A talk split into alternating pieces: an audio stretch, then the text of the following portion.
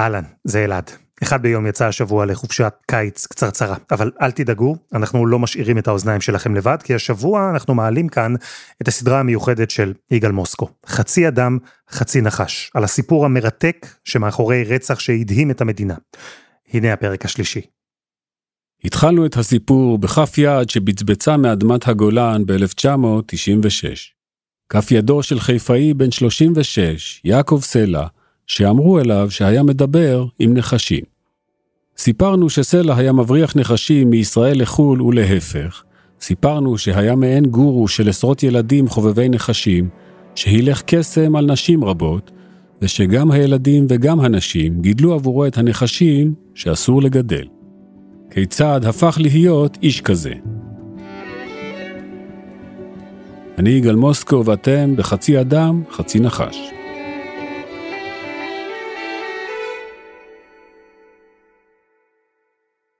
יש אנשים בחיפה שעדיין מכירים את יעקב סלע כיעקב פסח. הוא היה בנם המאומץ והיחיד של אסתר וחיים פסח, ניצולי שואה. איננו יודעים הרבה על נסיבות האימוץ, אבל החיבור בין הילד, כנראה ממוצא תימני, לזוג המבוגר, נתקל בקשיים. הוא היה ילד מחונן, אבל בעייתי. פרוע, היפראקטיבי, אובססיבי לתחום העניין שלו. ילד חריג, בדיוק כמו הילדים שיהיו כרוכים אחריו בבגרותו. שלי מאיר, שהייתה חברתו לחיים, מספרת ששיגעון הילדות הראשון שלו היה דווקא אסטרונומיה. ידע שמות של כוכבים, מפות כוכבים. היה לו טלסקופ שהוא היה ילד, הוא היה עולה לגג ומסתכל, והוא חקר את זה, ממש. אה, מטאורים ומטאוריטים וחורים שחורים והתפוצצויות כוכב וסופרנובה וכל, הוא באמת, הוא ידע המון המון המון. והוא הגיע לנחשים גם, בוא נגיד במקרה, הקיש אותו צפה בטיול על הכרמל. שהוא היה בכיתה, והוא פשוט התאהב. ממש ככה. אחרי ההקשה הוא התאהב? כן.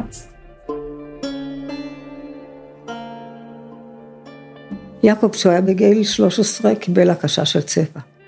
זאת נעמי גל, ידידתו של יעקב סלע.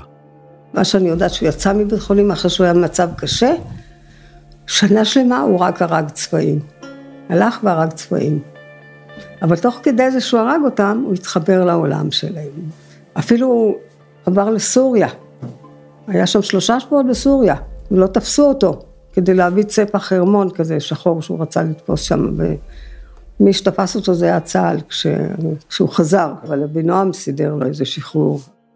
אבינועם זה דוקטור אבינועם לוריה מחיפה. הוא בן 84 היום.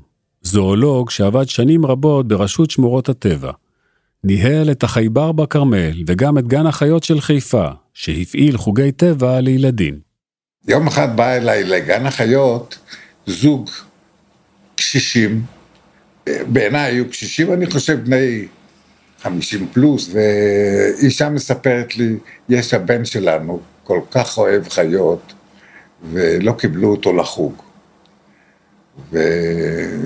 והוא ילד אה, קצת קשה, הוא היה מביא להם חיות שפולנים לא סבלו אותם, גם עקרבים, גם נחשים, בעיקר צפעים, זה מאוד קצת מפריע לנו בבית, לא הייתי יכול לקבל אותו, לא, קיבלתי אותו לחוג. ופתאום ראיתי פרח, תימני, קטן, עם עיניים מבריקות, בעל יכולת אה, שכנוע פנטסטית, שקרן מעולה, אבל די חיבבתי אותו. הוא היה בכיתה ז' או משהו כזה. הוא התחבב על ידי, על הילדים שלי, ואני התחבבתי עם, אה, אהבתי ילדים שונים. אבינועם עצמו היה לוכד נחשים ועקרבים בילדותו בירושלים. הוא היה מוכר אותם לגן החיות התנ"כי, ומישהו אחר כך היה מכין בעזרתם נסיוב נגד הקשות. גם בחייו הבוגרים תמיד היו אצל אבינועם בבית חיות מיוחדות. הבאתי הביתה דוב שהאימא לא רוצה לקבל אותו גור כזה של דוב. אז אתה גידלת דוב בבית? גידלתי דוב, זה גור כזה, שהיה לו כנראה איזה בעיה בעיכול או משהו, והאימא לא טיפלה בו בכלל. לקחתי אותו הביתה. שמתי אותו באמבטיה עם שמיכה, הפס... לא הפסיק לבכות. לקחתי אותו למיטה. אז הוא תפס את הבוהן ברגל, ומצאתי אותה כמו... בוהן ברגל, הרגליים שלי לא היו נקיות במיוחד. הילד המאומץ יעקב פסח הוקסם מאיש החיות אבינועם, שהפך לתחליף אב. יעקב היה בן בית אצלו. ביקשתי ממנו, בוא תעזור לי, אני מקים נחשייה עכשיו בגן החיות. בוא תעזור לנו, אני אשלם לך עם קצת כסף, אין לי תקציב. לעזור לי להקים אקווריונים ולסדר יפה את האקווריום עם חול ואבנים וקצת צמחים שיהיה גם קצת שמח בעיניים וזה. והוא נורא התלהב בעיקר ששילמתי לו כמה גרושים. אלא שגם הקשר עם אבינועם וגם העבודה בגן החיות לא הרגיעו את הילד. בבית משפחת פסח, ההורים כבר לא יכלו להכיל את יעקב. כשהיה בן 14 הוא נשלח לפנימיית הדסים ליד נתניה. מרגלית אילן הייתה אם הבית של הפנימייה. היה קשה מאוד אה, להסתדר איתו בבית, כי הוא התחיל עם הדבר הזה בגיל מאוד צעיר. כשהיא אומרת הדבר הזה, היא מתכוונת כמובן לנחשים. הוא גם היה מוזר במראה שלו, בהליכה שלו, הוא היה מנסה לחקות את ההליכה שלה, של הנחשים, הוא היה עושה את התנועות האלה עם הצוואר שלו, לא היה מסודר, תמיד עם שיער פרוע ולא מסופר, והוא היה יוצא דופן, היה יוצא דופן, אה, היה יוצא הרבה, היה מסתובב הרבה בודד בשדות וזה, בחיפושים אחרי אה, הזוחלים למיניהם, ובעיקר הנחשים. את נתקעת, נתקלת בנחשים? אני כן. הוא כן. היה מנסה לנחם או להרגיע בזה שהם לא ארציים. שהוא מכיר, שהוא יודע, והם לא ארציים. הוא לא הבין שבזה שהוא שם את, הדבר, את היצורים האלה במגיריים התחתונים שלו, זה לא בדיוק המקום שהטבע ייעד להם. תאר לעצמך שהוא בחדר עם עוד שניים שלושה ילדים, מה זה עושה כל פעם צעקות, וזה, וכשהוא רצה להתחכם, הוא רצה לעשות מעשה קונדס, אז הוא כמובן היה מבהיל, ואין ילד שלא היה נבהל מזה. כמה שנפגשת בזה, כמה שאתה תמיד נבהל מזה. השנים חלפו. יעקב סיים את הפנימייה ושינה את שם משפחתו מפסח לסלע, כי הנחש מסתתר מתחת לסלע. בצה"ל הוא שירת כחימושניק בבסיס בירנית על גבול לבנון. אבינועם לוריה, שהיה פטרונו בילדות, שמר איתו על קשר חם כל השנים, אבל יום אחד הוא גילה מה סלע עשה עם נשקו האישי. אתה מכיר את העוף שאוכל נחשים. חיוויאי. לא היה יורה בחיוויים. למה? בצבא. הם אוכלים נחשים, הם אוכלים צפעים. הוא, זה אהבה ושנאה ביחד, זה דבר קצת מוזר. הוא היה יורה בחיוויים. וזה אני לא יכולתי לקבל. לא שאני אדם אה, שומר חוק מוחלט, לא. אבל אה, לא עשיתי דברים שפגעו בחיי. אמרתי לו לא, ונודע לי בעקיפין מהמרגלים שלי אצלו, שהוא בכל זאת עושה את זה. אמרתי, יעקב, אתה, אתה, אתה תכניס תכניס אותך לבית סוהר. אמר, לא, לא, לא, לא, המשיך לעשות את זה, ואני עם הקשרים שלי הכנסתי אותו לכלא. אם לדייק, לבית המעצר קישון. הוא נכנס למעצר כי אתה הלשנת עליו שמה? אני ביקשתי גם שיכניסו אותו. והוא נכנס לכ- לכלא אחרי שבוע, פחות משבוע, הייתי צריך להוציא אותו משם. היה מהומות שלמות שם. מפקד בית המעצר אמר לאבינועם שעוד לא נתקל בעציר כזה.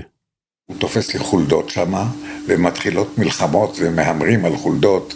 אסירים הורגים אחד את השני, לא רוצים לסלק את החולדות, ויהיה אסון תוצאה, אני לא, לא יכול להחזיק אותו יותר. סלע ידע שמי שהוביל למעצרו היה אבינועם לוריה. דופקים לי בדלת אחרי שלושה שבועות או משהו שבועיים. נכנס אליי בדירה שגרתי קודם, נכנס אליי אדון יעקב סלע עם שק כזה גדול.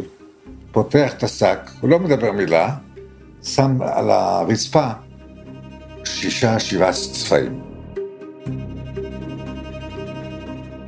והיו לי כבר ילדים, הייתי נשוי עם האישה הטובה הזאת שאוהבת חיות. והוא עשה לי מבחן. אני תפסתי את הנחשים. הכנסתי אותם חזרה לשק. לא כל אחד מסוגל להתמודד בקור רוח עם שישה צפעים על הרצפה, ואבינועם, שעבר את המבחן, התפוצץ. אמרתי, לא הספיק לך בית סוהר, אתה רוצה עוד פעם? אז הוא בכה, נשבר. הוא ראה, שאני מסתכן גם כן, והסתכנתי, נחש שזה לא פשוט. אלה היו יחסי אהבה-שנאה בין שני אנשים שממש דיברו עם חיות, אבינועם המבוגר והטוב, ויעקב הצעיר חסר המעצורים. לאחר שיעקב השתחרר מהצבא, אבינועם גילה שאותם צבעים שהיו הנשק של יעקב הפכו למקור הכנסה. הוא היה משתמש בהם לגנוב כסף. מה זאת אומרת?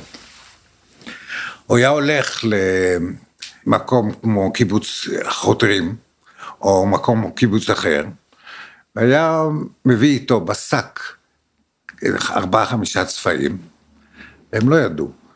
והוא היה מראה להם, תראו מה שתפסתי אצלכם בחצר של הילדים שלכם, נחשים.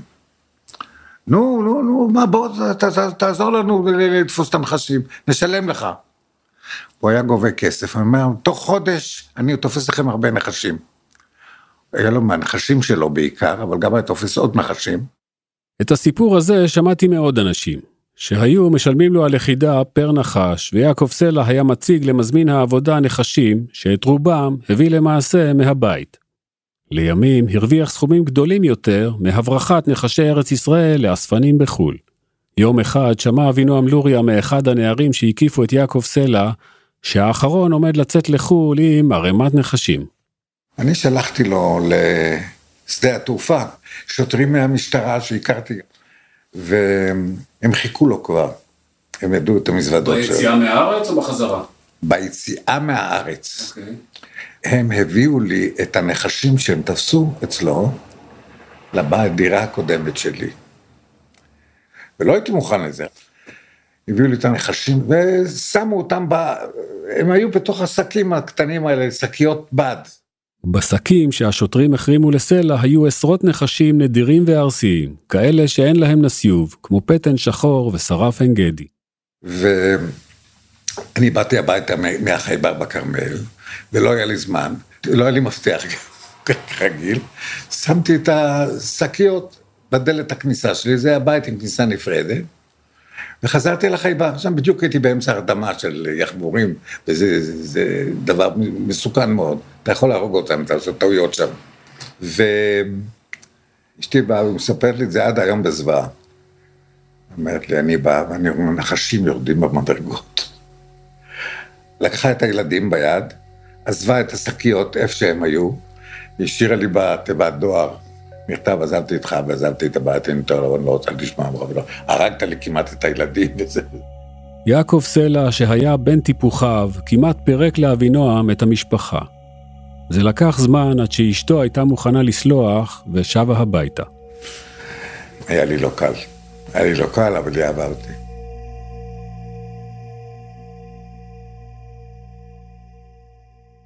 מי שהולך לישון עם כלבים מתעורר עם פרעושים. מי שהולך לישון עם נחשים, לא בהכרח מתעורר. יעקב סלע, שהיה מתלטף להנאתו עם הנחשים הארסיים בעולם, הרגיש כנראה שהוא בן על מוות. הנחש היה גם מקור הכנסתו, גם הנשק האישי שלו לנקמות, וגם מקור עוצמתו. הגורם שמשך אליו ילדים ונערים ונערות ונשים.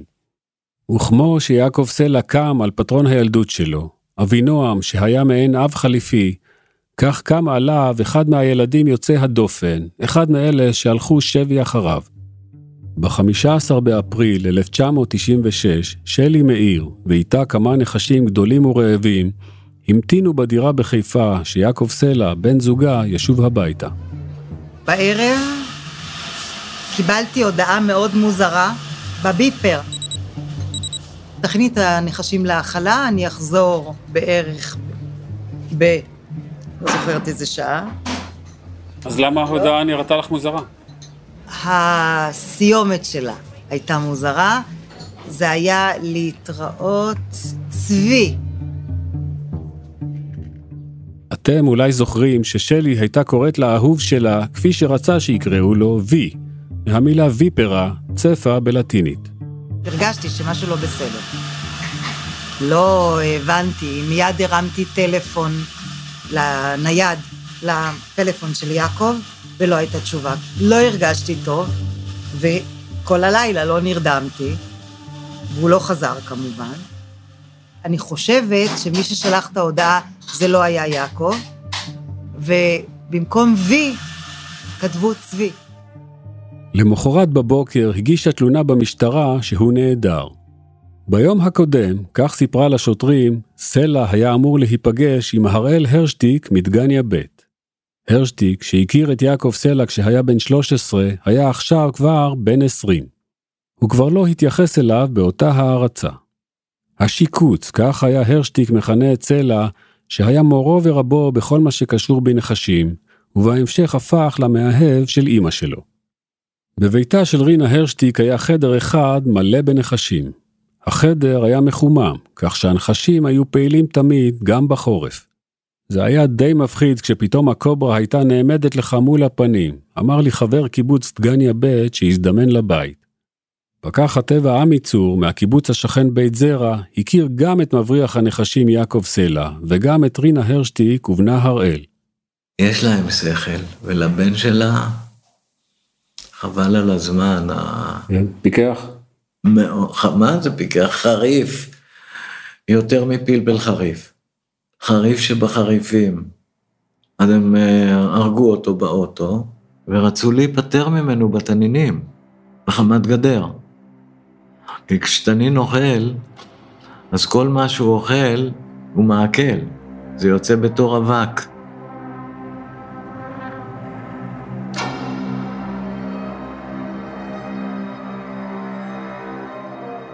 תודה לצוות התוכנית, ניצן שפירא שעל התחקיר, עריכה והפקה, עדי חצרוני, דני נודלמן ורוני הרניב, מיקס וסאונד, יאיר בשן. מנהל מחלקת הפודקאסטים של N12 הוא רום עתיק. אני יגאל מוסקו, ממשיכים מחר בחצי אדם, חצי נחש.